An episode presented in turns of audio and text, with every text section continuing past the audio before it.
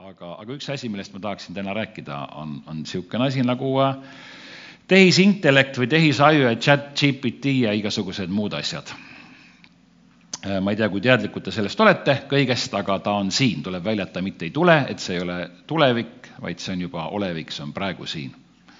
ja, ja kui me nüüd räägime sellest Ukraina sõjast, kui me räägime äh, Iisraelist, mis seal toimub praegusel hetkel, või kas või Vene rünnakutest siis Gruusiale ja, ja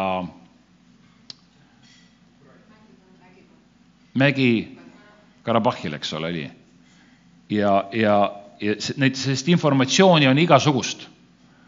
ja me elame sellises ilmas ja sellises maailmas, kus hästi palju on informatsiooni, see keerleb kogu aeg meie ümber ja me täpselt ei tea enam, mis on õige ja mis on vale. seesama tehisintellekt või tehisaju suudab genereerida ja pakkuda sellist informatsiooni, et sa ei tea, mis, kas see vastab tõele või mitte me jõuame kohe sinna.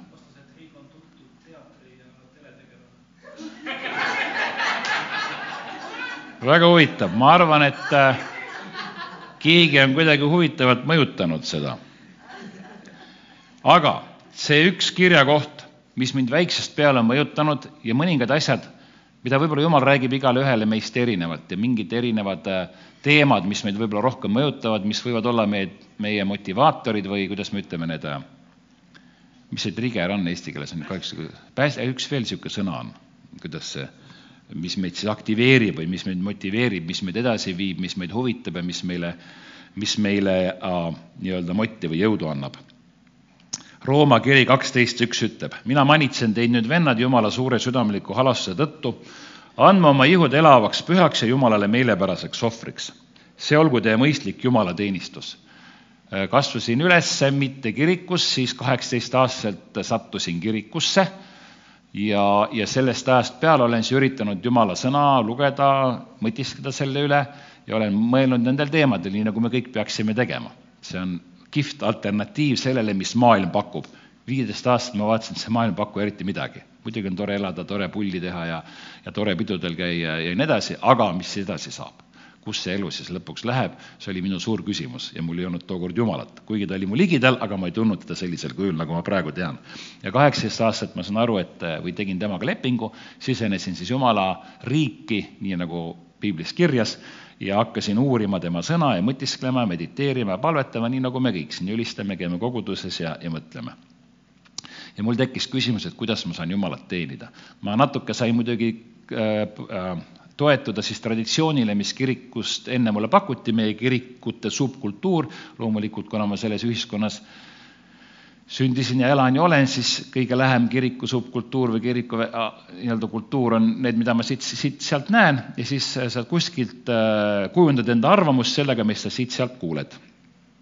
ja, ja ma mõtlesin, see, milline see minu teenistus või milline võiks olla minu Jumala teenimine ei lähe mul mitte meelest surmani see laul ja pärast surma on ikka meeles taevas. mina võtan jalgratta taevasse kaasa, ma nüüd sain üks päev aru. oma selle maanteesõiduratta. Aga, aga, aga kunagi laulis äh, Bob Dylan ühel albumil, et jumal, sa oled niivõrd palju teinud minu jaoks, mida saan teha mina sinu jaoks. ja kui sa oled äh, noor ja kirglik kristlane ja kõik see on uus sinu jaoks, siis äh, ja ka praegu peaksin mõtlema sellele, et mida saan mina, Jumal, sinu jaoks teha, et tõesti, sa saad aru, nii nagu me ülistasime, et kõik see, mis ta on sinu jaoks teinud, sa mõtled appi, mis ma saan sulle vastu teha. see on ühel päeval, kui sa saad suuremaks, nii nagu minu vanem poeg, mingil hetkel siis ütleb, et kuule, et ütleb meile aitäh mulle ja Iirile, see on kuidagi veider kuulata, natuke naljakas kuulata, natuke imelik kuulata, aga aitäh, et selle, selle lapsepõlve eest ja selle eest, et te olete ja see, et mul niisugune kodu on olnud ja ma appi kuidagi ebamugav on, tavalise eestlasena ühest küljest tahaks õudselt nagu muidugi, give it to me aga teisest küljest on natuke ebamugav, aga, aga ma saan aru, et noormees jõuab sellisesse ikka, kus ta ise mõtleb ja ta väärtustab, saab aru, mis tal on ja, ja ta hindab seda, kus ta on üles kasvanud. me absoluutselt pole täiuslikud, aga oleme, ma ei tea, ma ei saa öelda, kas me oleme ennast parim andnud, aga ma olen, me oleme midagi ikkagi andnud. ja, ja, ja siis sa, ja, ja ma näen Eeriku pealt seda, et, et ta on lihtsalt tänulik ja me, me kristlastena samamoodi satume sellesse faasi, kus me siis mõtleme, no jumal, mis ma saan sulle teha mis ma saan sinu jaoks teha ja siis vahel tuleb, mõtled, et nii, kuidas ma saaksin sind teenida. ja siis sellest kiriku subkultuurist tuleb igasuguseid veidraid värke. teate, kui tihti me kristlastena identifitseerime ennast selle läbi, mida me ei tee? ma olen, mina kasvasin üles, ma olen kristlane, ma ei suitseta, ma ei joo, ma ei vaata naisi, ma ei tea, mida ma veel ei tee, ma ei mäleta, mida, mida korralik, oo oh, kuule, Krist-, Janek tuli tagasi.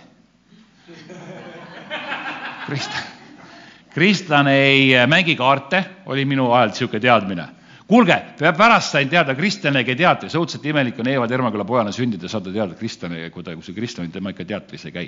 see on teema, millega me lõbustame, mina ja Helen Lokut aeg-ajalt ja, ja kunagi ma tegin isegi saate, Taani Vinalast, Helen Lokut ja mina.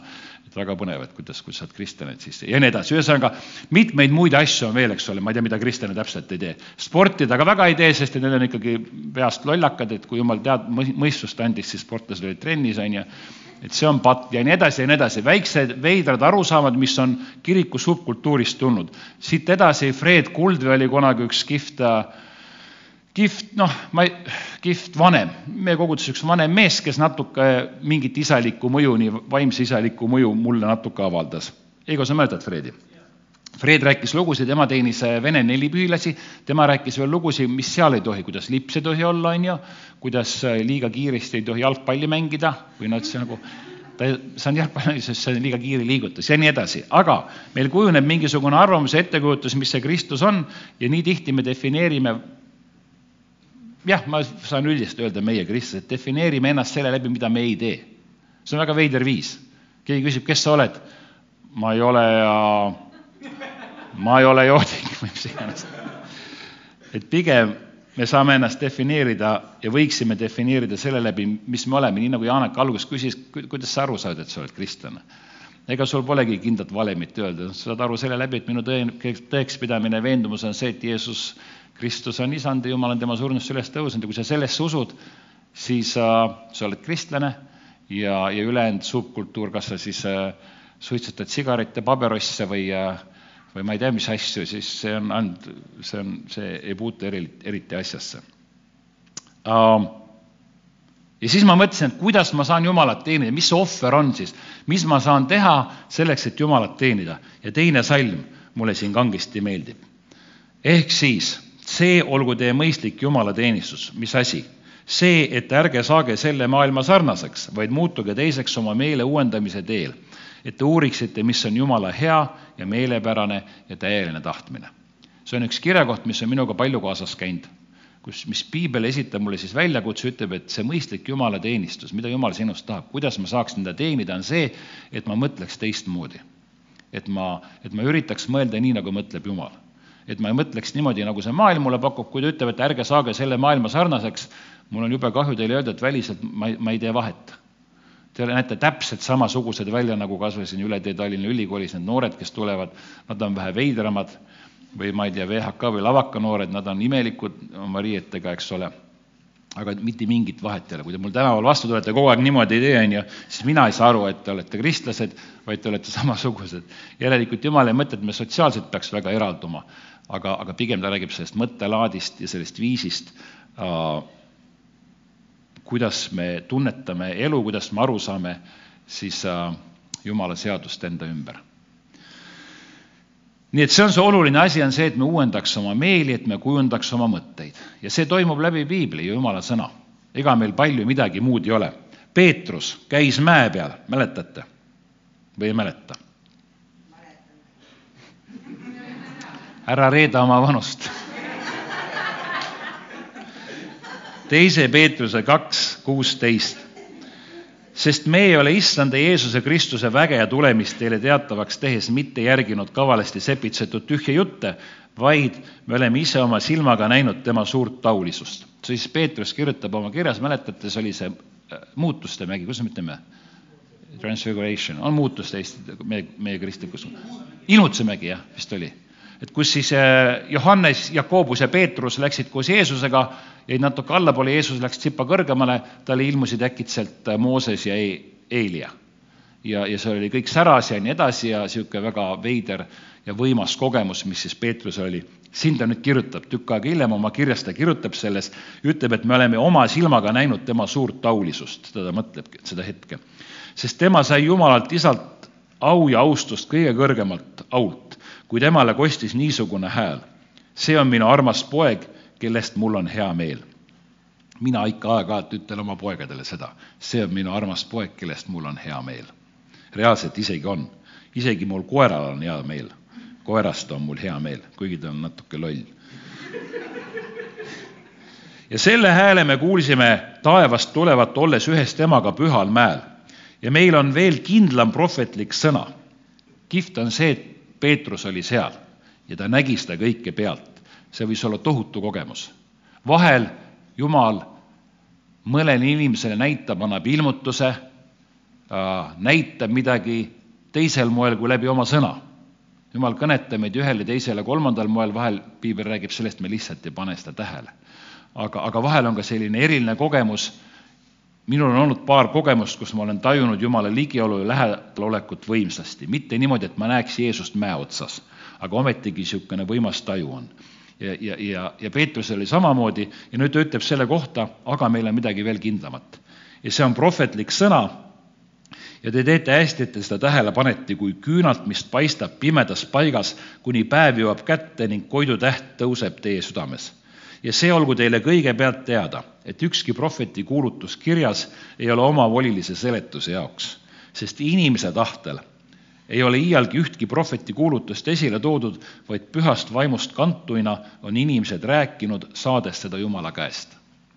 me vist võime järeldada, ega keegi ei ole siia parkinud, üks vend teeb pilte. see oli nüüd, see oli, see ei olnud osa jutust, mis ma praegu ütlesin. keegi pildistab, te saate trahvi, oli vist, saab trahvi, kui siia pargite, mis värk on, Eigo? Aa, see on alles siis saavad. mingid, mingid patused, peaasi, et saaks kahe korra, oleks hea, piibel siis ütleb seda, et, et meil on veel kindlam prohvetlik sõna ja, ja ja see on see Jumala sõna, mis meile on antud, see on see orientiir, see on see lamp, see on see äh, äh, meie siht ja meie suund. eile see saaga, ma hüppan siia kohe tagasi aga eile see mobiiltelefoni saaga, äia üheksakümne aastase Jaani mobiiltelefoni saaga, siis äh, sai õnneks õnneliku lõpu, aga ainuke siis niisugune kerge väike kirg, mis mul oli, ma olin Doosikannu puhkekeskuses, pulm oli seal, ma sain, ma ei tea, pool kaksteist sealt minema või ühe paiku hakkasin siis Paidesse sõitma. nagu ma rääkisin, jõudsin siis äia ukse taha, kuulen, et on seal, aga sisse ei saa. aga ainuke niisugune põnev hetk oli see, et ma, ma, ma sain jube kihvti uue LED lai, tule oma autole. ja siis ma mängisin sellega seda pimedas sõites, vaatasin, kuidas ta ikka prožektor, kuidas ta valgustab kõike ja see oli siis minu ainuke, ainuke väike meelelahutus, aga teate, kui palju paremini sellega näeb. ühesõnaga, ma panin väikse riba, mul on nii vana auto, mul ei ole LED-tuled, nagu tänapäeva autodel on nagu luksusautodel on, Janeki ja, ja Kaire luksusautodel ja, ja Kuno luksusautodel, isegi Eigol on ilmselt äh, need, sul ei ole või? Aga mis tuled sul on? sul on leedid? minul on ka tavaliselt tuled ja öeldakse nagu seasilm ja siis see, kui see väike, see väike leed, mis seal juures on, see tõesti valgustab. niisugune tunne, nagu terve maailm oleks äkitselt valgustatud. kusjuures eile näiteks ma, siis ma, kui ma mängisin siin tuledega, vaatasin ühte teistpidi, nägin kolme põtra kraavis. Nad ei olnud kraavi sõitnud ega kukkunud, aga, aga sõitsin, kolm niisugust põdra need äh, kuidas ma ütlen, vasikas või mullikas, mullikad, olid, olid kraavis, ahtasid, vaatasid mind niimoodi ja, ja ma ei oleks neid näinud oma tavatuledega, aga need tuled näitavad niivõrd palju paremini. ja jumala sõna on seesama tuli, mis meie teed valgustab. see maailm on niisugune ähmane seasilm, sa hästi aru ei saa, mis sul eest tuleb ja kas tuleb ja aga kui sa selle prose, prose peale lükkad, ikka pšu, niivõrd hästi on kõike näha, see on kihvt. ja see jumala sõna on nüüd see, mis, mis on meile jalale lambiks. tänapäeva suur väljakutse ma nüüd jõuan, Heigo, sinna ka, mida sina mainisid. tänapäeva suur väljakutse on see, et kust me oma informatsiooni saame ja, ja, ja mida usaldada, mida mitte. sellest chat GPT-st ja tehisintellektist on palju räägitud. ma ei ole niisugune kuum tehnikahuviline, ma alati tolkan natuke sabas, aga ma olen ka aru saanud, et tehnikat on mõistlik kasutada, nagu üks äh, minu lemmik abielunõustaja ja üks pastor Jimmy Evans, Marriage Today on tal see podcast, tema ütleb, et äh, kõik nutividinad on halvad isandad, aga väga head teenrid. Heigo ütles kunagi ammu, et kirvega saab lõhkuda puid ja päid.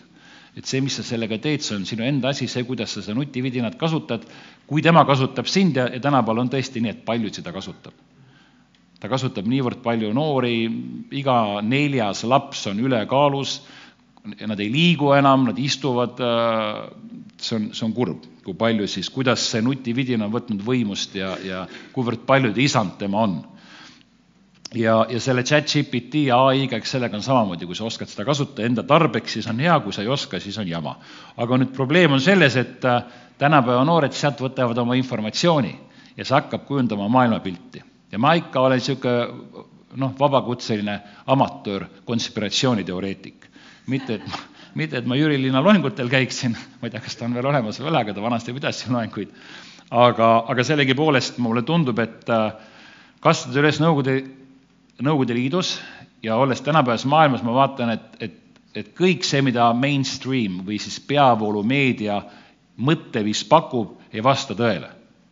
ja, ja meid üritatakse ühte ja teistpidi kallutada ja sikutada selles suunas ja teises suunas ja see on keeruline. ja selles ilmas praegusel hetkel on keeruline siis, siis kujundada oma arvamust ainult selle informatsiooni põhjal, mida sulle meedia pakub.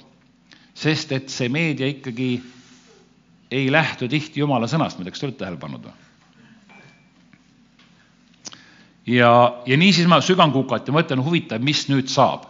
ja kui ma esimest korda chat-GPT lahti tegin, see oli nüüd mõni aeg tagasi, ma küsisin äh, chat-GPT käest midagi. ma näitan teile, mis ma küsisin, ole hea, paneme selle slaidi üles ja jäta see mõneks ajaks ülesse. mul oli vaja ühte asja teada.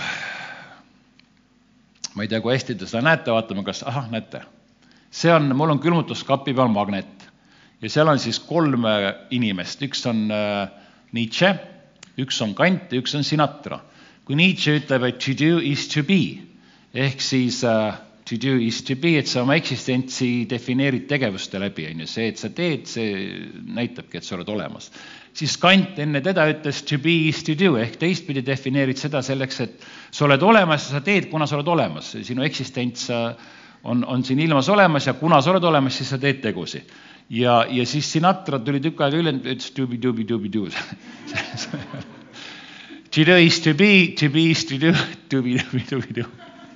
see oli tegelikult üks slaid, see on mul külmutuskapi peal, aga ma, ma, ma ei mäleta, kus ma rääkisin, aga, aga ma tegin mingi väikse ettekande ja siis ma küsisin inimeste käest seal saalis, et, et kuidas me ennast defineerime ja, ja see on alati mind või mõnda aega mind vaevanud, tänapäeval me defineerime ennast hästi tihti oma ameti läbi ja ma ei teagi, kas see on nüüd lääne kristlik kultuuriruum või kus iganes, aga see, me, me, me, ma olen noh, kui mind tutvustatakse, siis mind tutvustatakse tavaliselt kui teleajakirjanikuna, sest see on see, mis kõige rohkem silma torkab. ja, ja ma teen mingeid asju, aga me, me, me tutvustame ennast oma saavutuste ja oma ameti läbi. et me oleme need, mida me teeme. ja see oleks siis ah,, juba läks ära ja las ta olla natuke aega, las ta munuleb seal, see on nii, mulle meeldib see. ma olen harjunud sellega kodus, iga kord, kui ma lähen sööki võtma, siis on see tubi-tubi mul seal. see oleks siis Nietzsche, noh, nii ma nüüd väga, väga vägivaldselt seda siin kirjeldan niimoodi, et see oleks siis Nietzsche, et, et, et me defineerime oma identiteeti selle läbi, mida me teeme. ma olen see, mida ma teen siis ma panin neile pikk, pika listi sinna, kuidas mina iseennast defineerin. just üleeile oli mul õpetajate päeva konverents, mul oli au siis hulga õpetajate ees rääkida, mul on, ja mul on üks koolitaja, kes on väga huvitatud sellest, ta tahab teada, miks ma kristlane siis ta pressib mind igasugustele huvitavale audientsile, siis ma sain õpetajatele rääkida. aga ma räägin seda võib-olla törts teistpidi kui, kui, kui otse piiblist. ja, ja siis ongi, kui ma ennast identifitseerin, siis ma hakkasin mõtlema, kes ma olen ma olen tegelikult eelkõige, ma olen aru saanud, kõige rohkem, mida ma siin ilmas olen, ma olen abikaasa. ma olen i-, näete. selleks, ma isegi ei pannud muideks sellepärast seda särki selga, aga, aga mul tuli, jah, ma olen Iiri mees. siis teine identiteet on see. ma olen pu-, äh, isa, mul on kaks poega. Ah, koer on, oli, koer on kodus ja siis teil minu kõige esimene identiteet on see, et ma olen kristlane ja seal nendele õpetajatele ja kellele iganes ma siin viimasel ajal olen seda loengut või seda, ma ei julge öelda isegi loeng, aga, aga neid mõtteid avaldanud, siis mul ongi see, et ma olen kristlane. see on see, mis defineerib minu maailmapildi, minu vaate, see, kes ma olen, kuidas ma mõtlen, kuidas ma üritan käituda teistega, kuidas ma peaksin käituma, see on minu esimene def-, def-, vau, kuidas sa ütled?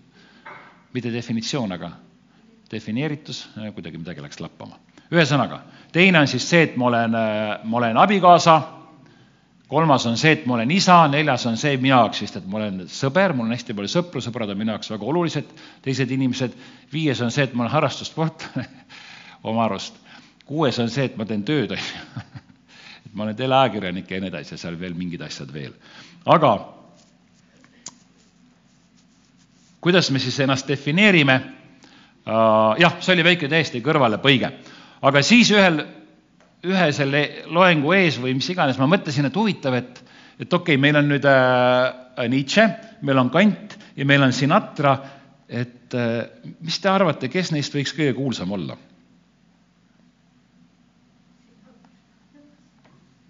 ma küsisin chat-GPT käest, ma polnud seda kunagi enne kasutanud.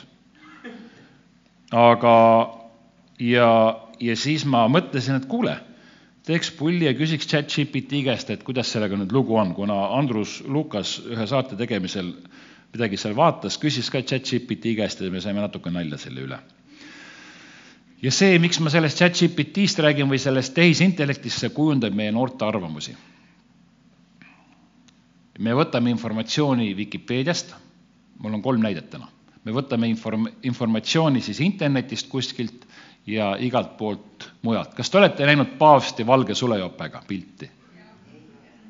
kihvt pilt on, kus paavstil on jumalast kihvt suur valge sulejope, see ei ole päris, seda ei ole olemas, see on, see on tehisintellekti poolt tehtud, keegi on selle teinud.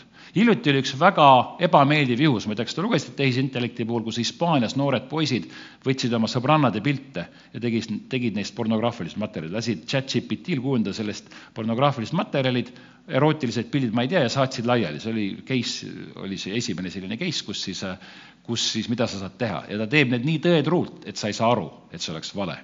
ehk sa võid näha pilti näiteks, kus mina peksan tänavanurgal Heigot. See võib olla Õhtulehe esikaanel ja see on nii tõetruu pilt, et sa vaatad seda pilti, mõtled, näed, nüüd tuleb tema tõeline pale välja. ja, ja, ja see, see ei ole tõsi nii nagu see paavst valgest sulejopest pole tõsi. tõsi on see, et Putin oli mustas sulejopes, mis maksis neliteist tuhat eurot.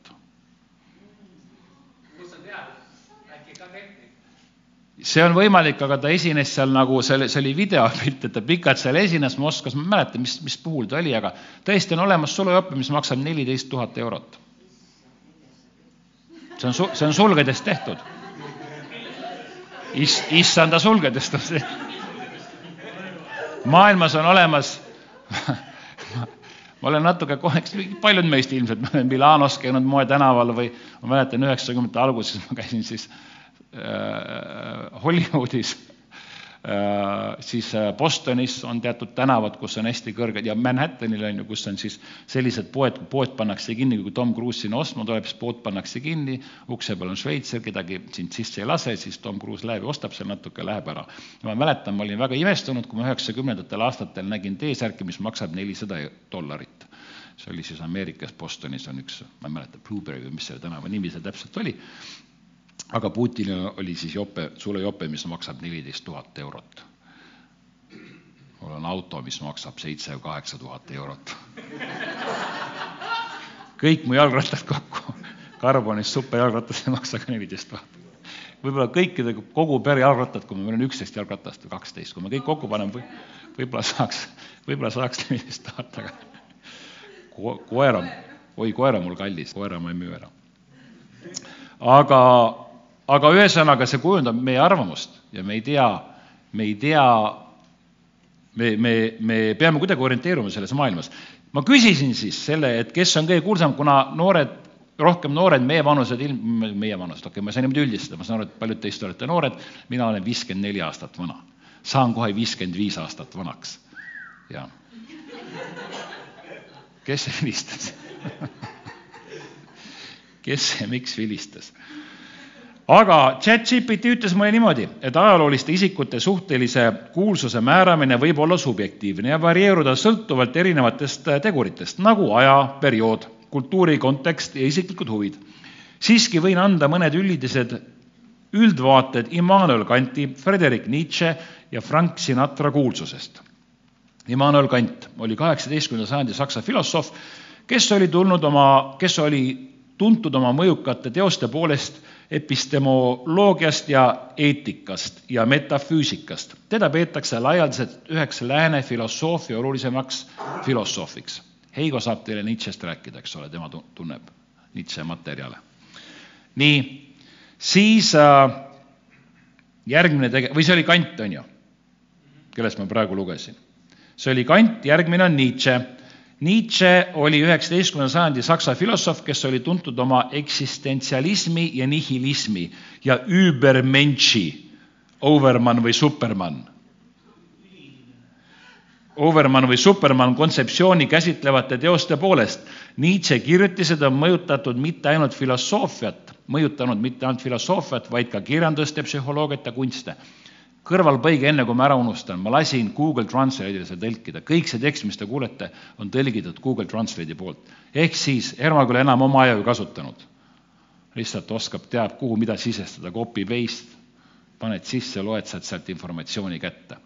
ja küll ma irvitasime vanasti selle Google Translate, Google Translation üle, nüüd ta on päris asjalikuks läinud, ma olen palju laulusõnu tõlkinud oma saatesse ja, ja Vikerraadios oli üks kristliku muusika hetk, see võeti nüüd maha kahjuks, aga ma olen kasutanud seda palju, küll ma olen irvitanud, kui lollakalt see tõlgib neid sõnu. ja ta, aga ta õudselt kiiresti areneb, üha paremaks läheb, nii et see tekst on puhtalt Google Translate'i poolt tõlgitud, see on nii ametlik, nii asjalik, eks ole, kus ai ütleb, et noh, on erinevaid variatsioone ja värke, aga noh, ma soovitan teil seda lugeda, ehk kui ma seda loen, mul tekib täielik usaldus selle teksti vastu, see on justkui oleks õige tekst ma ei väidagi, et see vale on, aga see on, internet on selle koostanud. internet, mis on vasakpoolse mõtlemisega, vasakpoolse mõtlemise poolt kujundatud, vasakpoolse mõtlemise poolt sisse söödetud informatsioon, hiljuti üks Vikipeedia isadest ütles ka, et, et see on obviously või ilmselgelt on see vasakpoolne. ja siis äh, Nietzsche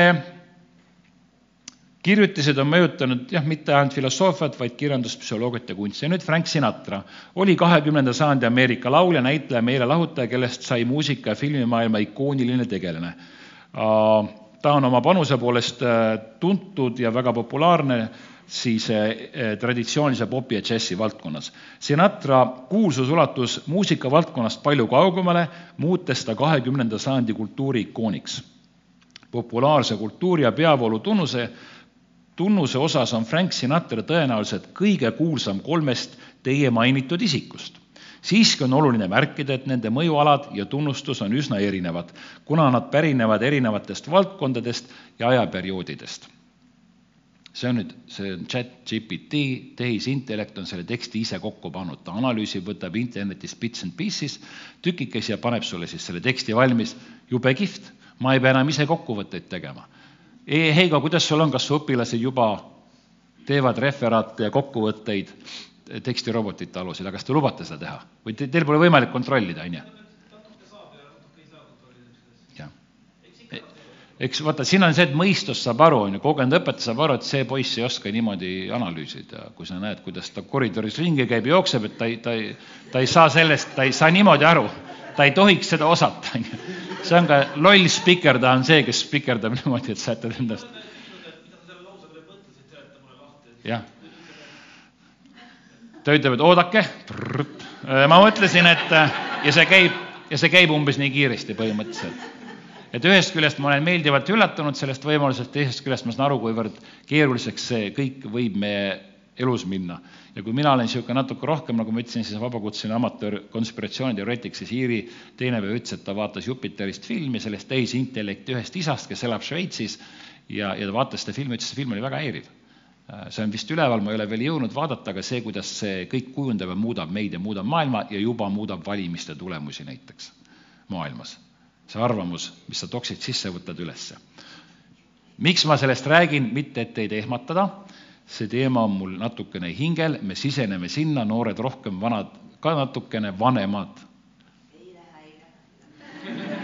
kuule, kui mu üheksakümne aastane äi ostab iPhone'i, teeb pilte, maksab arveid, vaatab sealt asju, siis ega siin on niimoodi, et äh, vastuvoolu pole alati tark ujuda, et tuleb ära õppida, oma vaenlast peab tundma, mitte et see meie vaenlane ilmtingimata oleks. aga kurb on veel see, et meil on siis kaks inimest, kes on tõsiselt mõjutanud siis vähemalt Õhtumaade või Lääne kristliku kultuuriruumi filosoofiat, on ju, kellest, äh, kes on aidanud meil lahti mõtestada mitmeid asju, mitmed koolkonnad, mitmed arutelud siinsamas üle tee Tallinna Ülikoolis. Räägitakse ilmselt nendest palju, aga kõige kuulsam on see mees, kes ütles dubi-dubi-dubi-duu Frank Sinatra. kui sa vaatad kuskilt Youtube'ist, siis mõni niisugune nappides riietes neiu, kes hüpleb ja tal kõik kehaosad värisevad, temal on seitsekümmend üheksa miljonit vaatamist ja kui sa vaatad võib-olla mõnda professorit, kes Immanuel Kanti kuskilt tsiteerib, temal on üheksa tuhat seitsesada vaatamist. nii et tõesti dubi-dubi-doo entertainment ja meelelahutus on kuulsamad. ja nüüd mul oli, reedel oli siis õpetajate väikene niisugune õpetajate päeva tähistamine, seal oli Hendrik, Henri või Hendrik Agur Hendrik, Hendrik jah, tema, kes oli ka niisugune üks, ilmselt üks kuulsamaid Eesti äh, äh, koolidirektoreid, ta oli Kaagis tükk aega, nüüd ta tegi äärmusliku kannapöörde, läks Kohtla-Järve gümnaasiumisse direktoriks. ja siis ta tegi väikseid ettekandeid, tegi väikse nii-öelda, või väikse ülevaate, et kuidas seal elu läheb ja mis seal toimub, seal Ida-Virumaal ja Kohtla-Järvel ja, ja seal siis ta rääkis oma noortes, ütles, et tõsi, et siiamaani sealt eh, siis tulevad koolidest veel õpilasi, kes ei, oskavad väga hästi või ei oska üldse eesti keelt, lõpetab gümnaasiumi Eestis ja ta ei oska eesti keelt. ja, ja ma mõtlesin, et kui nüüd sihuke poiss, see oli üks kihvt film ka, üks sihuke tõesti südamlik film, mingisugusel filmifestivalil kiiresti tehtud, kuidas siis üks Kohtla-Järve poiss saab mingi Viljandi tüdrukuga kokku, kuskil perroonil hakkavad rääkima ma mõtlen nüüd, et, et, et näiteks kui on üks noor kaheksateistaastane, kes lõpetab Kohtla-Järve gümnaasiumi ja kui ta peaks otsima midagi Hannes Ermaküla kohta, osad, kes meie kultuuriruumis on eestikeelsed, paljud teavad, mitte kõik, osad teavad, osad ei tea, mida vanemaks sa lähed, suurem osa teab mu isa ilmselt, aga, aga mingi märk kuskilt on minust ja siis mul tekkis samasugune idee, tead, Andrus Lukas kunagi guugeldas meid mõlemaid või pani chat GPT-sse ja nüüd Heiga, tuleb välja, et me oleme kolleegid me oleme sõbrad, me oleme koos kaaskristlased, me oleme siin koguduses mõlemad, me oleme tükk aega tunneme teenist, aga meil on veel üks valdkond, mis meid ühendab, Heigo. mina seda ei teadnud, sinust täna sain teada, aga chat-GPT ehk siis, kui see Kohtla-Järve poiss toksib sisse Hannes Ermaküla, tal on vaja teada informatsiooni minu kohta, siis äh, chat-GPT või see on siis ai, ma ei mäleta, chat-GPT ütleb niimoodi. Hannes Ermaküla on Eesti näitleja, kes on tuntud oma filmi ja televisiooni ja teatritöö poolest pange tähele, et minu teadmised põhinevad kuni kahe tuhande kahekümne esimese aasta septembrini kättesaadaval teabel ja mul ei pruugi olla tema karjääri või hiljutiste tegevuste kohta kõige väiksemaid, kõige värskemat teavet, kuna selle hetkeni saan Hannes Hermeküla kohta öelda järgmist. see on see, mis chat-GPT on siis. tehisintellekt on hankinud informatsiooni internetist ja pannud kokku pildi, kes mina olen varajane elu ja haridus. Hannes Hermaküla sündis kuueteistkümnendal augustil tuhat üheksasada seitsekümmend seitse Tallinnas. Heigo, kas sa tead, millal ma olen sündinud? Kaire teab sünnipäevasid peast. Ants teab sünnipäevasid. jah, jah, aga Hannes Hermaküla tuleb välja, et sündis kuusteist august, kusjuures enne, kui ma vaatasin mingi nädal aega tagasi selle, sellesama, ei reedeks, neljapäeval vaatasin selle reedese konverentsi jaoks kuna seal oli ettekanded, olid hästi palju, igal konverentsil on nüüd ettekanne tehisintellektist, siis ta ütles, et Hannes Ermakul on seitsekümmend neli sündinud. aga täna juba ütles, et Hannes Ermakul on seitsekümmend seitse sündinud, aga ta on siis kuueteistkümnenda augustil seitsekümmend seitse sündinud, ma olen sündinud kaksteist jaanuar tuhat üheksasada kuuskümmend üheksa. ta on lõpetanud Eesti Muusika- ja Teatriakadeemia, kus õppis näitlejaks. ma ei ole lõpetanud Eesti Teatri- ja Muusikaakadeemiat. mitte ükski Hermaküla pole lõpetanud Eesti Teatri- ja Muusikaakadeemiat maailmas on üks Ermaküla, kes praegusel hetkel käib teisel kursusel, aga minu isa ei käinud ka Eesti Muusika- ja Teatriakadeemias. aga see Hermaküla, see Hannes Hermaküla minu teada on üks maailmas, see Hannes Hermaküla siis tehisintellekti äh, andmetel on seda teinud. tema karjäär, ta on teinud edukat karjääri Eesti meelelahutustööstuses. ta on töötanud nii teatris kui filmis, pälvides tunnustust oma mitmekülgse näitlejameisterlikkusega ta on esinenud arvukates lavastustes ning Eesti filmides ja telesarjades märkimisväärsed rollid, üks tema silmapaistvaid rolle üks tema silmapaistvaid rolle oli populaarses oli populaarses Eesti telesarjas Padjaklubi kus ta kehastas Mihklit. Padjaklubi on, oli pikaajaline draamas, draamasari, mis kogus Eestis märkimisväärset poolehoidu Haanest ka, et ma pole elu sees mitte ühtegi Padjaklubi episoodi näinud. ma olen küll nende tegelastega laval olnud ja intervjueerinud ja asju teinud, ma pole mitte ühtegi episoodi, ma olen mingeid klippe tõesti näinud, kus kuskil reklaamis jookseb. ma ei ole ühtegi episoodi vaadanud ja ma ei, ma ei, ma ei tea, kes see Mihkel on sealt Padjaklubist. Ma tõesti ei tea sellest kõigest mitte midagi, mida chat-GPT minu kohta või siis tehisintellekt minu kohta teab. kusjuures teatris on ta olnud tegev ka teat-, ta on olnud tegev ka teatrimaastikul, osaledes erinevates lavastustes ning tehes koostööd erinevate teatritegelaste Eestis isiklik elu, terve tema isikliku elu, perekonna või muude aspektide kohta, mis ei ole tema töökarjäär, ei pruugi olla avalikult kättesaadav, see informatsioon. Juhime tähelepanu, et kuna minu teadmised põhinevad kuni kahe tuhande kahekümne esimese aasta septembrini kättesaadaval infol, siis Hannes Ermaküla karjääris võib sellest ajast peale olla toimunud arenguid või uusi projekte. värskema teabe saamiseks ja tema, ja tema töö kohta soovitaksin vaadata kõige värskemaid allikaid, sealhulgas uudisteartikleid, intervjuusid ja tema ametlikke sotsiaalmeediaprofiile mm. -hmm. Vaata, kui huvitav, et, et see ongi see ühine valdkond, mida me jagame, et mina olen ka näitleja, ma ei teadnud, ma olen näitleja. ja sina oled ka näitleja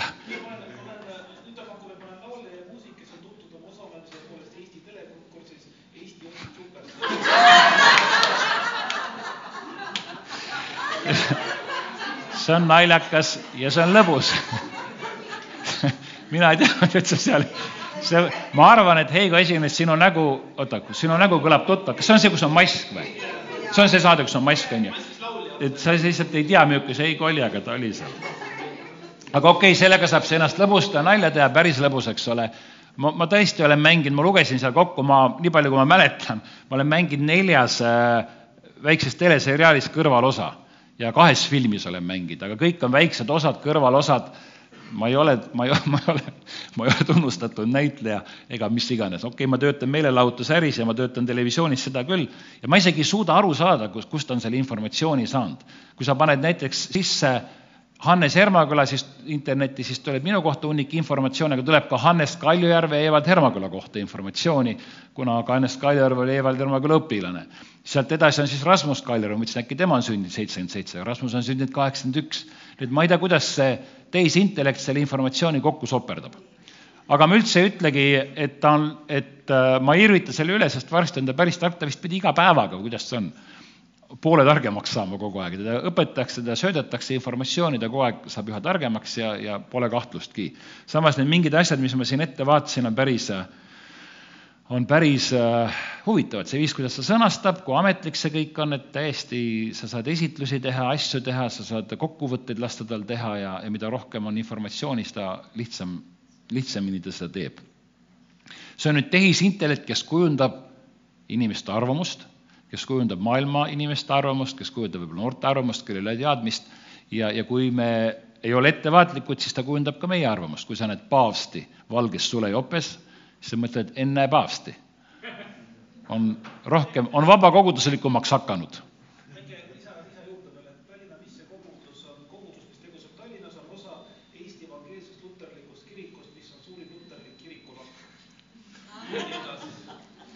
kui keegi paneb Google'isse otsingu näiteks, tahab teada meie kirikusse, otsib kogudust mõni noor inimene, siis ta saab sealt informatsiooni kätte. ma ei väida, et ainult sealt saab infot, aga sealt see info tuleb. ehk siis, mida piibel ütleb, on see, et ärge saage selle maailma sarnaseks, uuendage oma meeled, mõelge muud moodi. viimane näide, siis ma lõpetan. mul oli paar nädalat tagasi, olin sõbra sünnipäeval ja, ja teise sõbraga natuke vaidlesime, et kui teine sõber on paar kokteili joonud, siis ta on usualastes vaidlustes väga aldis alati ja ma olen loll, lasen ennast agi- äh,, äh,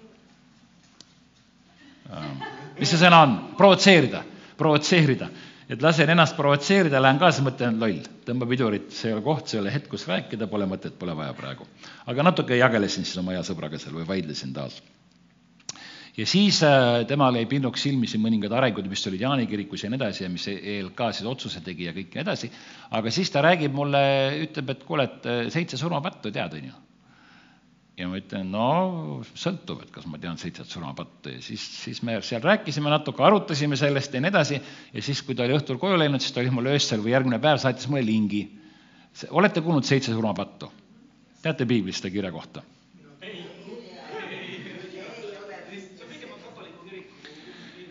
Vikipeedia ütleb niimoodi, seitse surmapattu on kristlikes õpetuses olev kogum patte. Nende hulka liigitatakse otseselt ebamoraalsust esile kutsuvaid tegevused ja harjumused. tavaliselt kuuluvad surmapattude hulka uhkus, ahnus, iha, kadedus, aplus, viha ja laiskus.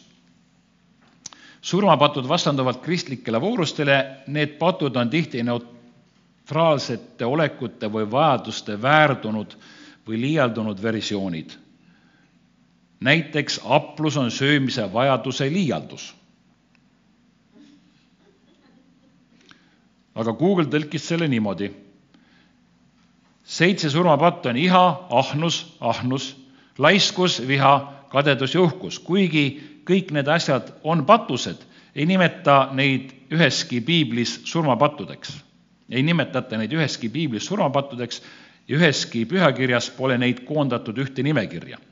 ja see on tõsi, kuna maailm teab seda, et on olemas seitse surmapattu, kunagi Tõnis Mägi laulis ka seitse surmapattu, vihm on lakkamatu, siis, siis piiblis neid kirjas ei ole see on tõesti mingi kristlik traditsioon, me ei pea seda kuidagi halvustama või heaks kiitma, kuida iganes, ega need on tõesti patud nii on kirjas ja kui sa erinevatest kohtadest piiblist võtad need tükid ja, ja mida piibel räägib patuks, siis need seal tõesti on. ma imestan näiteks, et mõrva ei ole selles, selles või, või abielu rikkumist või pedo-, pedofiiliat või ma ei tea, et need seitse justkui on kõige hirmsamad asjad.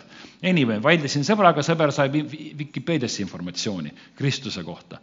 mina üritan oma informatsiooni iPadist, kui see piibliraamat on seal tagalaua peal. mina üritan oma informatsiooni hankida siis piiblist. ja, ja see on siis väikene väljakutse meile, kristlastele, sellega ma lõpetan, te hakkate igavlema. ehk siis ärge muganduge praeguse ajaga, vaid muutuge meele uuendamise teel, et te katsuksite läbi, mis on Jumala tahtmine, mis on hea ja meelepärane ja täiuslik. ja mida Peetrus siis lõpuks ütles sellesama jumala sõna kohta, see on nüüd see üks majakas, see on see üks halogeentuli, mis meil või mis LED-light või mis meil seal on, mis ma siin ette panin endale. et ja meil on veel kindlam prohvetlik sõna ja te teete hästi, et te seda tähele panete kui küünalt, mis paistab pimedas paigas, kuni päev jõuab kätte ning Koidu täht tõuseb teie südames. ja see olgu teile kõigepealt teada, et ükski prohvetikuulutus kirjas ei ole omavolilise seletuse jaoks. ehk siis need seitse surmapattu sa võid neist rääkida, aga seda ei ole pühakirjas spetsiifiliselt sellisel moel mainitud. see on mingi teadmine, mis liigub meie kultuuriruumis. sest inimese tahtel ei ole iialgi ühtki prohveti kuulutust esile toodud, vaid pühast vaimust kantuina on inimesed rääkinud, saades ta Jumala käest. nii et seesama piibel, Jumala sõna, on ta siis sul telefonis või iPadis, on ta sul vana kooli rullidena kaasas, nagu Iisraelis oli või see on ta piibliraamatuna kaasas, nagu seal tagalaua peal on, see on see, kus me saame oma informatsiooni. ja kui nüüd see tehisintellekti informatsioon selle kokku läheb, väga tore, kui tehisintellekti informatsioon sellest lahku läheb, siis ta ei saa asjast aru. ta praegu saab üldse vähe asjast aru, varsti on ta natuke juba targem. ja sestap ei pea ka tegelikult kartma ega pabistama, vahel ma mõtlen hirmu huvitav, mis saab tänapäeva ajastust, kui seda informatsiooni on nii palju ja mis saab minu lastest, koerast ma nii väga ei mõtle, see saab jube hästi hakkama eluga terve elu sööb liha ja kõik vitamiinid on kogu aeg olemas. aga, aga mis sest kõigest saab? saab see, et sul on Jumal. see on see hetk, see on see aeg, kus me elame, see on see sõda Ukrainas ja, ja väga keerulised olukorrad Iisraelis, Jumal on ikka troonil. Jumal on ikka meiega, ta on meie sees, ta on meie südames, tema sõna on meile kättesaadav, see on see valgus, mis valgustab meie jaoks maailma, nii et hoiame sellest kinni. Uuendame oma meeli, mitte ai-ga, vaid Jumala sõnaga. amen